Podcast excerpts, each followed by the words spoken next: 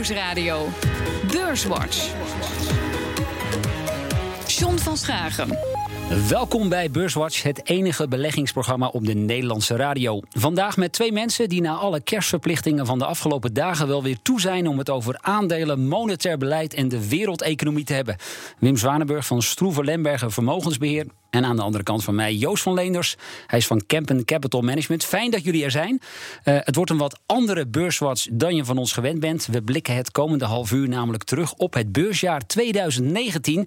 Ja, die Wim um, veel succesvoller was dan we met z'n allen een jaar geleden konden vermoeden. Hè? Ja, maar ik denk dat je 2019 echt in het perspectief ook van 2018 moet zien. Vertel. Toen in het vierde kwartaal echt het pessimisme veel te ver uh, doorsloeg. En uh, de recessievrees heel groot was. Uh, de beurzen massaal onderuit gingen wereldwijd. men voor alles bevreesd was. Wij vonden dat toen de tijd overdreven. En je zag eigenlijk ook, ik moet wel zeggen dat er wel aan het begin van het jaar al iets wijzigde. En dat was een hele positieve indicator. vorig jaar waren de centrale banken bezig met een uh, verkrapping. Uh, de Amerikaanse centrale bank met name was bezig de rente te verhogen. Dit jaar zijn uh, de bakens verzet. Ja, daar gaan en we zo heeft, meteen gaan we dat uitgebreid... Heeft de beurzen, dat heeft de beurzen geholpen. Ja, gaan maar, we uitgebreid over praten. Wim, want wat is dus jouw, rebound, jouw maar, beursmoment inderdaad? Ja. Want ik ga even naar Joost. de AIX sloot 2018 af met een verlies van 10%. En ja, iedereen hield begin januari toch een beetje zijn hart vast. Hè? Want en hoe ben jij dan, hoe verrast ben jij dan dat wij hier nu staan en toch moeten concluderen dat het ja, een geweldig beursjaar is geweest. Nou, dat is precies wat, wat Wim zei. Je komt van hele lage niveaus. Als je kijkt, zeg maar, als je een beetje de afgelopen twee jaar samenneemt, dan hebben de aandelen per jaar 7% gedaan. Dat is eigenlijk een beetje normaal. Dat, zo moet je het eigenlijk zien, denk ik. Dus dat is precies wat Wim zei. Um, die, die rebound was inderdaad een beetje te wachten. Het was, wat, wat ik wel verrassend vind, toch een beetje de mate waarin. En je ziet ook wel dat de waarderingen zijn opgelopen. Want je ziet eigenlijk gedurende een groot deel van het jaar dat de wereldeconomie uh, verzwakt. Uh, dat de groei tegenvalt. En als je kijkt naar de winsten van bedrijven, die zijn per saldo niet gegroeid. Dus het is wel alle koerswinst is, uh, alle, alle winst is koerswinst. Uh, en dat is ook in het licht gezien van, van, van, die, van, die, van, die, van die dip vorig jaar, denk ik meer in ieder geval dan wij verwacht hadden en dan een hoop beleggers verwacht hadden. Ja, je noemt inderdaad al die wereldeconomie. Daar gaan we het vandaag nog zeker over hebben. Er is ontzettend veel gebeurd dit jaar. Tijd voor een terugblik in één minuut. Het was het jaar waarin Fed-voorzitter Jerome Powell de beleggers meerdere malen wist te pleasen. Zijn monetaire beleid zorgde indirect voor stijgende koersen op de beurs. Drie keer maar liefst verlaagde hij de rente. De laatste keer gebeurde dat eind oktober. Today we decided to lower the interest rates for the third time this year. We took this step to help keep the US economy strong in the face of global developments and to provide some insurance against ongoing risks. Tot grote vreugde van beleggers dus. Die dit jaar een beetje immuun leken voor slecht nieuws. De Brexit-soap, het Italiaanse huishoudboekje, de Duitse automobielindustrie. Het leek ze allemaal niet te deren. Net zo min als die oplopende spanningen tussen Amerika en China. They're having the worst year in more than 57 years, more than half a century. Their supply chains are cracking very badly. And they are dying to make a deal. Inmiddels ligt er een eerste fase deal op tafel, wordt vervolgd in 2020. En in Nederland zelf ging de AIX door het dak dit jaar. Met een ultiem Sinterklaas cadeau op 6 december. Toen sloot de beurs voor het eerst sinds 2001 boven de 600 punten. Best scorende aandeel is dat van Galapagos. En dat had collega Rob Jansen blijkbaar al veel eerder zien aankomen. Galapagos, die heb ik al in portefeuille. Staat bijna 13% hoger. Dus dat kan ik ook wel begrijpen. Is overigens wel een heel bewegelijk aandeel. Maar uh, doet het goed ook in de portefeuille van Jansen Beleg. Ja, Wim, um, je zei het inderdaad net al even. Jouw beursmoment van 2019, dat was helemaal begin januari. Een interview met vetvoorzitter Jerome Powell. Ja, waarin hij toch plotseling een heel andere toon aanslaat dan daarvoor. Laten we eerst even luisteren. We wanted to, um, to have the balance sheet return to a more normal level, which is a level no larger than it needs to be for us to conduct monetary policy. Don't know the exact level. It, it, that will depend on um, uh, the, the, really the public's appetite for our liabilities, specifically currency. To us, that's a liability, and the public has a large appetite for currency and also reserves and other liabilities. So it'll be substantially smaller than it, than it is now. Ja, dit zei hij dus net na die onstuimige decembermaand van 2018. Waarom was dit jouw moment? Ja, dit, uh, dit gaf echt uh, de koerswijziging aan. Uh, je hoorde net dat hij trouwens vooral over de balans sprak en nog niet over de renteverlaging. Dat kwam later dit jaar.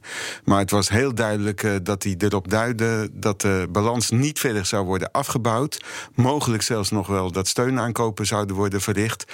En ja, vanaf 6 januari, toen ging het los eigenlijk op, de, op de financiële markt ja. beleggers. Eerste dagen waren allerlei commentaren nog uh, in, in verwarring. Van wat heeft dit te betekenen? Maar het was heel duidelijk al, de markten reageerden er heel, uh, heel positief op. En dacht jij toen ook al op dat moment, dit kan wel eens hele verstrekkende gevolgen gaan hebben? Nou, uh, in ieder geval vond ik het eigenlijk wel riskant dat de Fed echt uh, uh, fors de rente uh, verhoogde. Deed dat ook een aantal keren in 2018. Gegeven de onzekerheden, was het in ieder geval goed dat de Fed zei van we wachten even, even af. dat ze zo fors zouden gaan verlagen, dat heb ik niet helemaal voorzien. Bovendien, deze quote, die ging nog vooraf door een heel breedsprakige analyse van de Amerikaanse economie door, ja. door Powell. En toen zei hij juist dat ze er heel goed voor stonden. En ja, hij zei het ook. We doen het in het licht van de risico's. Vooral van de mondiale economie, de global risks. Dus hij keek met name ook naar het uh, buitenland. En daarom had het ook een wereldwijd effect. Ja, Joost, hoe kijk jij naar dit uh, interview? Nou, die, die draai van centrale bank, als je puur kijkt naar de rente, dan is het niet helemaal ongekend, maar wel bijna. Uh, in, 2000 was, in 2000 was het vergelijkbaar. Hè? Dus zes, ongeveer ruim zes maanden na de, na de eerste renteverhoging werd het alweer verlaagd. Dus dat is snel. Um, maar goed, er komt inderdaad nog die balans, uh, die balans bij van de Fed en van de ECB. Hè, want de ECB had net eind vorig jaar uh, de steunaankopen gestopt. Ja. En moest in november ook weer beginnen. Dus die, zijn, die hebben ook een enorme draai gemaakt. Uh, maar als je kijkt naar, naar inderdaad de wereldeconomie en, en de Amerikaanse media, ja, het zwakte allemaal wat af. En de inkoopmanagers werden wat somberder. Maar in, in 2000 stond die, stond die ISM die stond, op 44 toen de Fed verlaagde en nu op 54. Dus um, economisch gezien was die noodzaak er niet zo erg. En dan zeg je nou, ja, de handelsoorlog laat die oren te veel hangen naar Trump. Dat was natuurlijk het idee. Ja. Uh, wat, en, wat denk jij? Um, nou, ik, kijk, ik denk dat ze moesten stoppen was duidelijk. Dat, dat was in december duidelijk. En die renteverlagingen nu, ja, daar kun je over, daar kun je over discussiëren. Ik, ik vraag me af of het nodig was. Um, uh, maar goed, ja, de financiële, financiële markten waren daar zeker blij mee. Dat heeft ontzettend geholpen. En inderdaad, andere dingen die jij noemde, de handelsoorlog. De handelsoorlog is tot september zo'n beetje alleen maar geïntensiveerd. En je ziet wel dat de beurs dan wat ups en downs heeft, maar per saldo omhoog gaat. Ja. Brexit was natuurlijk heel lang chaos. Ja. Over die zaken gaan we het uh, straks nog hebben. Um, eerst even jouw moment. Um, de Fed, we hoorden het zojuist al, verlaagde de rente dit keer of dit jaar maar liefst drie keer. En de, uh, de eerste keer dat dat werd aangekondigd, dat was op 31 juli en dat klonk zo. We decided today to lower the target for the federal funds rate by a quarter of a percentage point to a range of 2% to 2.25%. The outlook for the U.S. economy remains favorable, and this action is designed to support that outlook. Ja, wat ik me dan altijd afvraag, um, kan de Fed dan van tevoren inschatten welk effect dit soort woorden hebben op de markt? Of is het toch ook een beetje ja, uh, op hoop van zegen? We kijken wel wat het doet. Ja, ik denk dat ze wel. Ze, ja, de effect van de woorden de markt hangt natuurlijk ook vanaf wat er verwacht wordt. En of je de verwachtingen overtreft of niet. Maar dat wordt natuurlijk allemaal uh, op een goudschaaltje gewogen door beleggers. En dus ook door, uh, door Powell zelf. En hij noemt die rente. Die rente die ging nu dalen. Die rente is over een breed front gedaald. Hè. Ook tien jaar lange rente. Uh, dat helpt natuurlijk allemaal. Dat helpt ook je waarderingen voor aandelen. Dus dat zie je natuurlijk aan alle kanten zie je dat wel, wel terugkomen op financiële markten. En zeker ook op aandelenmarkten. Dat die zeggen dat ze over die andere problemen heen kunnen stappen op dat moment. Ja. Um, eind 2018 hoorde je overal het R-woord uh, opduiken. Ja, mogen we toch stellen dat het monetair beleid er voor een belangrijk deel aan heeft bijgedragen dat we die recessie dit jaar helemaal niet gezien hebben? Ja, ik denk inderdaad dat het er wel aan heeft bijgedragen. Maar niet alleen uitsluitend. Nee, uh, want? Nee, nee, ik denk dat, uh, dat de recessievrees echt uh, overdreven was ja. vorig, vorig, jaar. Er is heel veel gespeculeerd dit jaar over een voorspellende indicator... die altijd aan zou geven dat er een recessie in aantocht zou zijn. Namelijk de rentecurve, in het jargon de yieldcurve. Als het korte kant, de geldmarkttarieven hoger zijn dan de obligatietarieven... dan duidt dat erop dat de centrale bank te hard op de rem heeft uh, gedrukt en dat er een recessie uh, aankomt. Maar ja, de markten die zijn voor een deel kunstmatig, ook door die aankopen enzovoort. Ik vind dat de voorspellende waarde van zo'n uh, rentecurve niet al te groot is. En dit jaar is die ook onjuist uh, gebleken. Maar kun je dan misschien stellen dat, um, kijk, eind 2018 uh, was het kommer en kwel. Hè? December was een, een, verschrikkelijke maand op de beurs. Um, zijn we misschien nu met z'n allen wel iets te positief? Nou, we zien dat het tempo van de winststijgingen weer uh, gaat, uh, gaat toenemen. Maar dat moet wel tot stand komen. We hebben natuurlijk wel een heel mooi kerstcadeau gehad. Hè, aan de vooravond van kerstmis. De Phase One deal. Ja. En uh, die moet nog verder uitgewerkt worden. Want als we kijken wat die ja, nou inhoudt... Ja, er wel heel veel haken en ogen Het is natuurlijk een, als een kolossale deal verkocht door Trump. Ook dat is deels verkiezingsretoriek. maar er is nog niet gekomen het terugdraaien... van de eerder ingevoerde importtarieven. Dat moet nog komen. En er liggen ook nog veel haken en ogen, veel geschilpunten, mogelijke twistpunten. Vooral intellectual property, hoe er omgegaan wordt met technologie en met kennis. En of er vals wordt gespeeld enzovoort. Dus kortom, ik denk nog niet dat we van de handelsoorlog af zijn. Maar het belangrijk stuk van de kou is wel uit de lucht. Ja. De zekerheid is afgenomen. Ik, ik, ik, denk dat er op de aandelenmarkt wel behoorlijk wat optimisme zit op dit moment. Wim noemde net die winsten. die winsten nou ja, als je kijkt, de, de, de, neerwaartse revisies worden wat minder. Maar de winsten dalen overal op dit moment. In Amerika is het ongeveer nul. Maar Europa zit op uh, min 4%. Emerging markets zit op min 10%. Dus die winsten dalen overal. Nou, dan heb je nou, deze voor dit jaar. Niet voor volgend jaar. Ja, maar, als je kijkt, meer forward, forward, earnings, forward earnings worden nog steeds naar beneden bijgesteld. Ja, uh. um, en, en, en wat, wat het centrale bankbeleid natuurlijk ook doet, is dat dat herstel, of zeg maar, dat, die hoop die blijft steeds. En ik denk ook niet dat er een recessie komt. Dan heb je, dan heb je excessen nodig, heb je hoge inflatie nodig, of je hebt te, te, te snelle kredietverlening nodig. Nou, dat valt allemaal mee. Maar Joost, hoe verklaar jij dan dat, uh, wat ik zei het net al even, het lijkt wel alsof beleggers dit jaar immuun zijn voor slecht nieuws? Nou, wat je ziet is dat de. de um, de verwachte winstgroei wordt steeds naar achterbij gesteld. Eerst zou die in het tweede kwartaal komen, zou die in het derde kwartaal komen, zou die in het vierde kwartaal komen. En elke keer wordt dat uitgesteld, maar die hoop die blijft er wel. Um, en dan zeg ik, dan denk ik dat, er veel, veel, dat we veel te danken voor financiële markten, in ieder geval veel te danken hebben bij centrale banken. Uh, we noemden de Fed en de ECB, maar ook emerging markets zijn heel veel landen waar die rente verlaagd is. BNR Nieuwsradio. BNR Beurswatch. Nog een paar dagen en we kunnen het beursjaar 2019 afsluiten. Reden genoeg om tijdens deze laatste beurswatch van het jaar terug te blikken op de afgelopen 12 maanden. En dat doe ik met Joost van Leenders van Kempen Capital Management en Wim Zwanenburg van Stroeven Lemberger Vermogensbeheer. Maar voordat we daarover gaan verder praten, maken we eerst het balans op van deze korte beursweek. De AIX is vandaag geëindigd op 611 punten en dat is 0,3% hoger dan de slotstand een week geleden. Stijgers. Ja, de grootste stijgers in de AIX. Unibal Redamco krijgt er 1,1% bij. En op een gedeelde tweede plaats Ahold Delhaize en Royal Dutch Shell, beide plussen 1%. En op de midcap hebben beleggers deze week vooral trek in het aandeel Takeaway.com. 4,6% in de plus. Het aandeel herstelt zich daarmee van het verlies van de week hiervoor. Dalers. Dalers. Dalers. Wie deden het niet zo goed in de AIX deze week? ArcelorMittal, min 2,9%. Ook rode cijfers voor ING Groep, 1,4% eraf. Het Financiële Dagblad schrijft vandaag over het verdwijnen van mogelijk 60 van de 600 banen bij de afdeling Private Banking. En ook Egon deed het niet zo goed. Dat aandeel sluit 1,4% in de min. Maar ondanks dat, voor de AIX was er toch vooral veel groen op de borden deze week. De drie dagen waarin werd gehandeld sloten allemaal stuk voor stuk positief af. Ja, Wim, niet gehoord in dit rijtje. Maar het bedrijf dat jou dit jaar het meest heeft verrast was DSM. Ja, DSM, uh, want uh, je hebt het over uh, verrassingen. Als we het hebben over aandelen die het heel goed gedaan hebben. Bijvoorbeeld Galapagos is de koploper. Maar ja, dat kan ook uit de aard van de business volgen. Ja. Een biotechbedrijf wat een doorbraak bereikt, een, een milestone. En, en uitbetaald wordt voor, voor nieuwe middelen die ze ja. naar de markt brengen. Dus dat kan fors omhoog schieten. Maar DSM laat gewoon een consistente, hele goede performance zien. Uh, resultaten die steeds keer op keer uh, de markten toch wel uh, meevallen.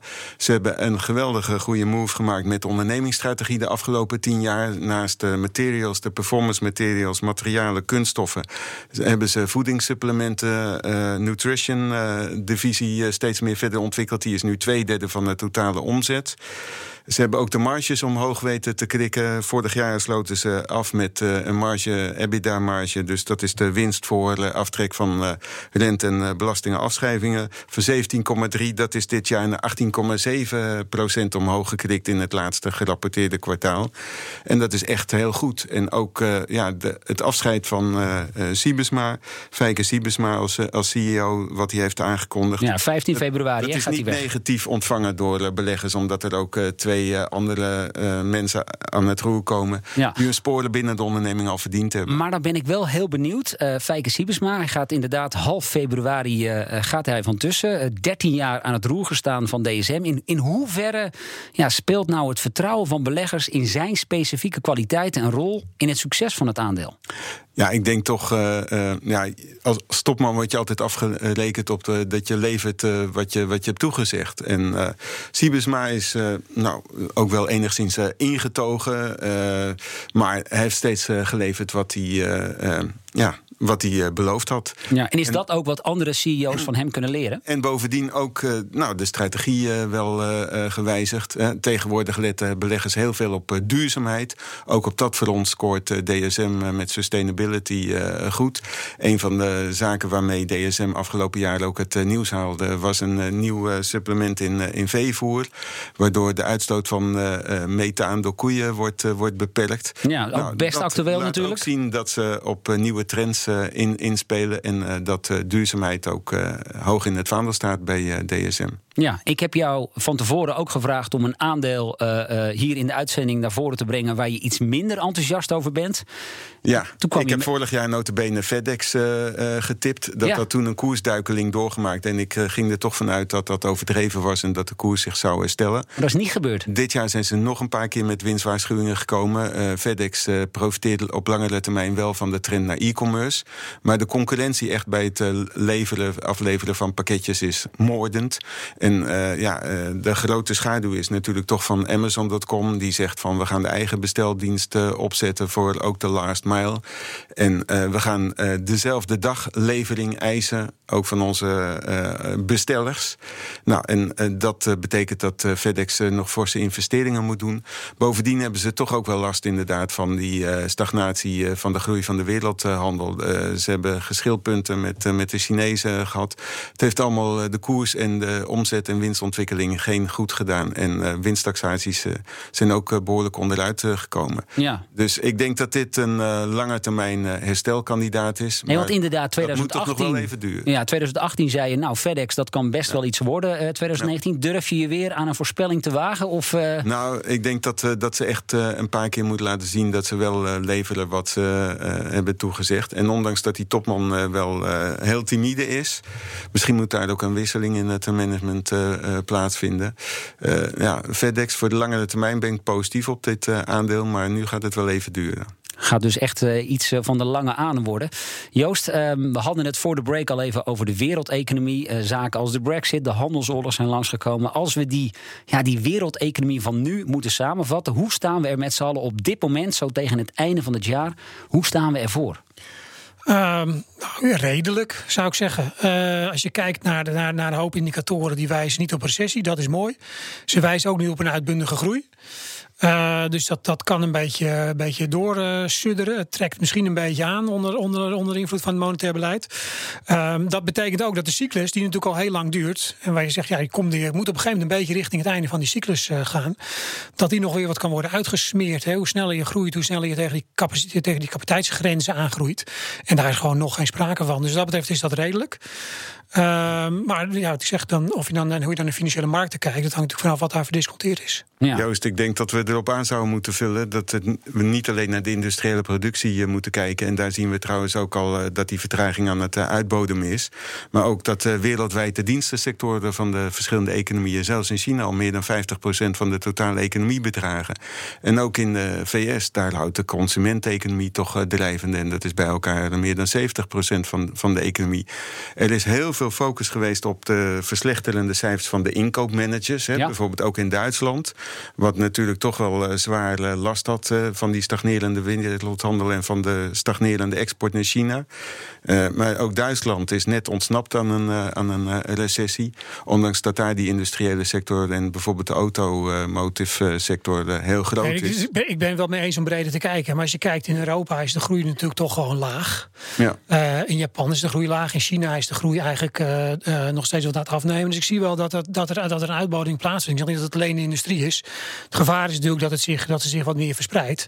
En daar zitten we een beetje op. En uh, laten we hopen dat dat niet gebeurt, want dan ga je wel naar een recessie. We spreken van een goed beursjaar. Hè. Die conclusie die mogen we met z'n allen wel, uh, wel trekken. En dat is toch wel opvallend als je naar al die onrust in de wereld kijkt. Hè. Begrotingsspanning in Italië, de handelsoorlog. En er was geloof ik in Engeland ook nog een klein beetje gedoe. It is clear that the House does not support this deal. But tonight's vote tells us nothing about what it does support. Nothing about how. Nothing about how or even if it intends to honour the decision the British people took in a referendum Parliament decided to hold. Ja, Joost, als we nou alle risico's voor die wereldeconomie zouden moeten rangschikken. en, en je kijkt naar wat er in 2019 is gebeurd, wat, welk conflict zet jij dan op één? Nou, de handelsoorlog. Toch wel? Ja, die brexit is natuurlijk voor Europa vervelend en voor de VK vervelend. Uh, voor de Verenigde Staten en voor Azië maakt het allemaal helemaal niet zoveel uit hoor. En uh, ook niet als het een harde brexit was geworden. Dus dat in, in wereld, op wereldwijde schaal is dat gewoon uh, veel minder van belang, denk ik, dan, dan de handelsoorlog. zeker als die verder zou zijn geëscaleerd. Dus dat, dat is denk ik wel een belangrijk, ja. en, belangrijk risico. Italië noem je nog niet? Nou ja, ja Italië. De, wat je daar natuurlijk een, een, beetje, een beetje ziet, is dat op een gegeven moment krijg je die regering, heb je natuurlijk een regering gehad die, die minder wilde bezuinigen, waardoor die, waardoor die, die rentes en die, en die risicoopslagen wat opliepen. Wat je toch ziet, is dat de, de wal keert het schip een beetje. Als die rente maar genoeg oploopt, dan moeten die politie op, op, politie op een gegeven moment wel een beetje inbinden. Uh, we weten dat de ECB klaar staat als het echt misgaat. Dus um, uh, dat valt op. Ik denk dat, dat Italië op langere termijn wel een risico is, omdat het gewoon weinig groei is en veel schuld. Uh, maar je zag dit jaar was dat toch redelijk. Dat bleef, bleef redelijk binnen de beperken. En ja. terecht hadden, hadden beleggers vertrouwen in dat daar wel ingegrepen werd als het nodig is. Ja, dus, dus daar gaat het zeg maar wel de goede kant op. Nou, de Brexit ja. hebben we de afgelopen twee maanden kunnen volgen. die gaat er nu toch ook wel echt van komen. Tenminste, dat mogen we zo langzaam maar zeker wel ja, concluderen. We weten nog niet hoe het eruit gaat zien. Nee, en Wim had het zojuist over een vervroegde kerstcadeau. Hè, die voorlopige deal tussen China en Amerika. Um, dat laatste dossier, hoe zie jij dat met name in 2020 zich gaan ontwikkelen? Nou, ik, Want daar is het laatste het, hoofdstuk ja, natuurlijk nog niet van geschreven. Nee, ik vind het een beetje moeilijk voor te stellen dat Trump nu deze deal heeft, dat, dat die deal gesloten wordt en dat hij dan tot de verkiezingen niks meer gaat zeggen over die handel met China.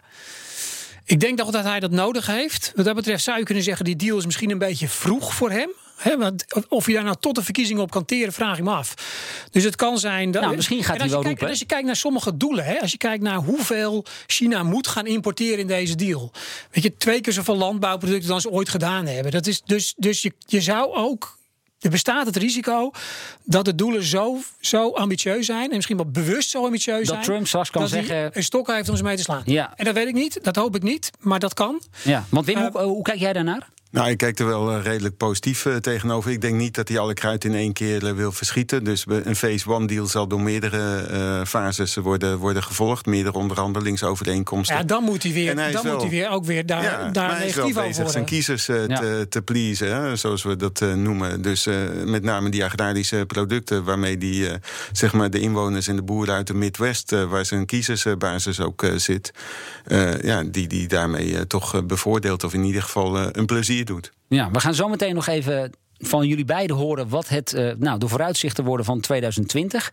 Toch nog even aanstippen, Joost, want dat is een moment wat jij ook nog graag even hier in de uitzending wilde brengen. Um, ja, toch ook wel als historisch wil aanmerken, de Duitse rente. Ja. Lager dan ooit. Ja, en... kijk, dat dieptepunt is natuurlijk gelijk een hoogtepunt. Hè? Want uh, die, die, die, die, die dook naar, uh, naar min 0,7 in september.